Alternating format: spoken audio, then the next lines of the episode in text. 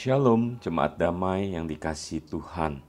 Kita jumpa lagi dalam Sapaan Damai Sejahtera hari ini, Sabtu 4 Februari 2023. Saya berdoa biarlah setiap kita di dalam anugerah Tuhan, kita boleh melewati bulan Januari dan sekarang kita sudah berada di bulan Februari.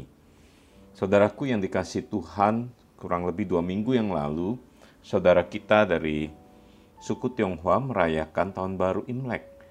Dan pada hari itu di hari Minggu di dalam sebuah ibadah di sebuah gereja saya menyaksikan dan mungkin Bapak Ibu Saudara juga menyaksikan dalam sebuah video WhatsApp yang cukup viral di mana sebuah gereja menyelenggarakan ibadah dengan sebuah prosesi arak-arakan dengan membawa hiu masuk ke dalam gedung gereja dan juga ada acara-acara yang bernuansa Tionghoa misalnya dengan e, barongsai dan sebagainya. Saudaraku yang dikasih Tuhan, ketika kita merenungkan hal ini, bagaimana sesungguhnya sebuah adat istiadat ataupun kepercayaan dapat diadopsi dan masuk di dalam sebuah lingkungan gereja. Nah, untuk itu sama pada hari ini saya akan beri tema adat istiadat manusia Adapun renungan firman Tuhan terambil di dalam Markus 7 ayat yang pertama hingga yang ke-8. Saya akan bacakan buat kita. Pada suatu kali, serombongan orang Farisi dan beberapa ahli Taurat dari Yerusalem datang menemui Yesus. Mereka melihat bahwa beberapa orang muridnya makan dengan tangan najis, yaitu dengan tangan yang tidak dibasuh. Sebab orang-orang Farisi seperti orang-orang Yahudi lainnya tidak makan kalau tidak melakukan pembasuhan tangan lebih dulu karena mereka berpegang pada adat istiadat nenek moyang mereka. Dan kalau pulang dari pasar mereka juga tidak makan kalau tidak lebih dahulu membersihkan dirinya. Banyak warisan lain lagi yang mereka pegang, umpamanya hal mencuci cawan, kendi, dan perkakas-perkakas tembaga. Karena itu orang-orang Farisi dan ahli-ahli Taurat itu bertanya kepadanya, "Mengapa murid-muridmu tidak hidup menurut adat istiadat nenek moyang kita, tetapi makan dengan tangan najis. Jawabnya kepada mereka, Benarlah nubuat Yesaya tentang kamu, hai orang-orang munafik, sebab ada tertulis, bangsa ini memuliakan aku dengan bibirnya, padahal hatinya jauh daripadaku. Percuma mereka beribadah kepadaku, sedangkan ajaran yang mereka ajarkan ialah perintah manusia.' Perintah Allah kamu abaikan untuk berpegang pada adat istiadat manusia. Saudaraku yang dikasih Tuhan, ketika kita membaca perikop ini, kita melihat peristiwa ini dimulai dengan suatu kali serombongan sekelompok orang Farisi dan ahli Taurat dari Yerusalem datang menemui Yesus, di mana Yesus pada saat itu diperkirakan berada di Galilea yang berjarak 150 km.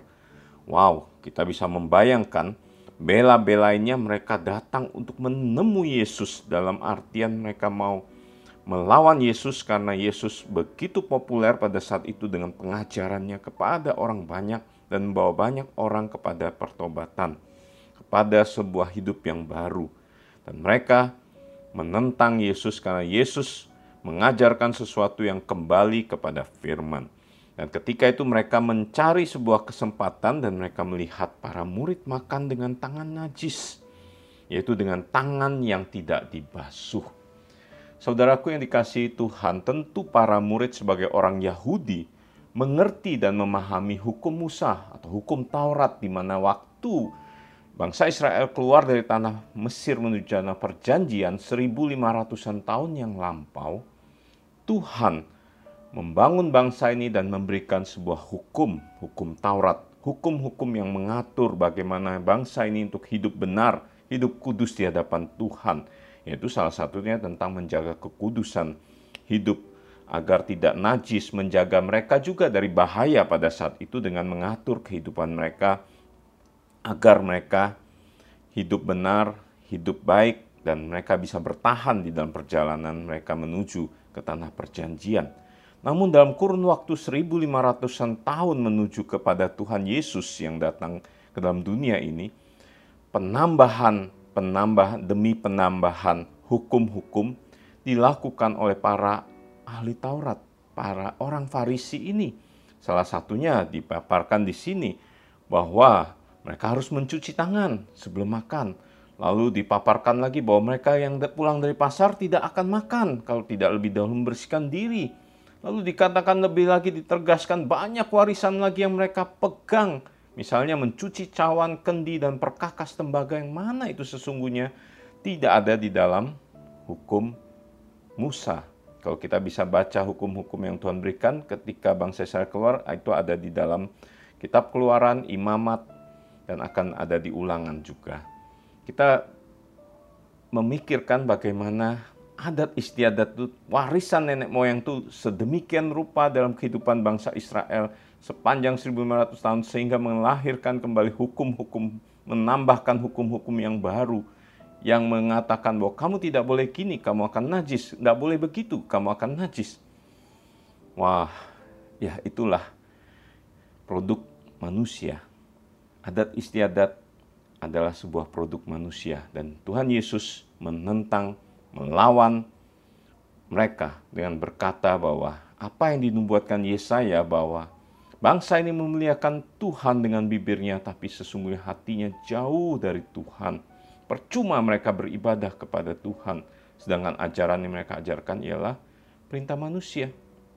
Jadi sesungguhnya para petinggi agama ini mereka tidak melakukan perintah Allah. Mereka mengabaikan perintah Allah namun mereka berpegang kepada produk buatan manusia yaitu adat istiadat yang diwariskan secara turun-temurun. Saudaraku yang dikasih Tuhan, ketika kita melihat ini, lalu bagaimana sesungguhnya sikap kita ketika kita melihat warisan nenek moyang, adat istiadat yang sudah berlangsung dalam kehidupan sehari-hari kita yang ada di sekeliling kita. Seperti halnya contohnya tadi dalam sebuah prosesi uh, ibadah di sebuah gereja, bagaimana budaya atau kepercayaan Tionghoa, suku Tionghoa masuk ke dalam gereja. Ada tiga hal, saudaraku yang dikasih Tuhan, ketika kita melihat menyikapi ini. Yang pertama, produk budaya atau adat istiadat itu dapat diadopsi langsung. Jikalau itu benar, itu baik, misalnya tentang menghormati orang tua. Di dalam budaya Tionghoa ketika Imlek kita harus pai-pai, kita harus menghormati orang tua kita, kita harus menyatakan kasih kita kepada mereka. Dan juga bagaimana orang tua mengasihi anak-anaknya, menyatakan syukur, memberi angpau misalnya ya. Itu sesuatu yang baik. Walaupun kalau tidak ada uang, jangan dipaksa ya. Kalau eh, apa namanya beri angpau nggak nggak perlu harus banyak. Yang penting katanya kertasnya untuk mengucapkan syukur gitu ya menjadi bagi berkat. Lalu produk budaya yang kedua atau atau syahadat ini boleh kita memaknainya, lakukan yang kedua dengan memaknainya dengan makna yang baru. Jadi kalau tadinya kita meng, uh, apa namanya memberi angpau untuk terima duit atau membagi duit, tetapi itu sebagai ungkapan syukur, sebagai rasa syukur dan membagikan berkat bukan hanya kepada keluarga anak kita, tetapi juga kepada anak-anak orang lain atau keluarga lain yang membutuhkan. Lalu ada produk budaya yang ketiga sikap kita adalah produk itu adat istiadat itu perlu mengalami penebusan karena itu memiliki sebuah uh, apa namanya akibat kejatuhan manusia dalam dosa sehingga itu membawa sebuah pemberontakan kepada Allah sebuah perlawanan kepada Allah. Nah sehingga perlu mengalami penebusan terlebih dahulu oleh darah Yesus Kristus. Perlu dikembalikan kepada kemuliaan Tuhan. Itulah saudaraku yang dikasih Tuhan, tiga sikap kita ketika kita melihat adat istiadat, kita belajar bagaimana Tuhan mengingatkan orang-orang Farisi dan ahli Taurat bagaimana mereka menyikapi hidup mereka di hadapan Tuhan. Karena Tuhan tahu bahwa mereka melawan Tuhan sesungguhnya. Tetapi Tuhan meluruskan, menegur mereka untuk mereka kembali kepada perintah Allah, tidak berpegang pada adat istiadat manusia. Amin. Mari kita berdoa. Tuhan terima kasih karena Engkau menghadirkan kami sebagai manusia yang berbudaya. Kami tinggal dalam kehidupan di mana ada warisan budaya nenek moyang adat istiadat ataupun kepercayaan. Tuhan biarlah kami mengambil sikap yang benar di hadapan Tuhan.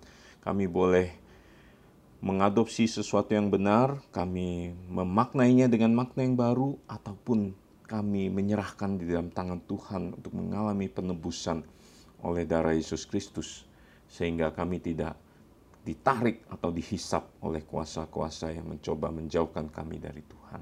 Terima kasih Tuhan, biarlah Tuhan menolong dan memimpin kami untuk hidup benar, taat di dalam perintah Tuhan, dan menyikapi adat istiadat dan budaya yang ada sekeliling kami dengan benar. Terima kasih Tuhan dalam nama Tuhan Yesus kami berdoa. Amin.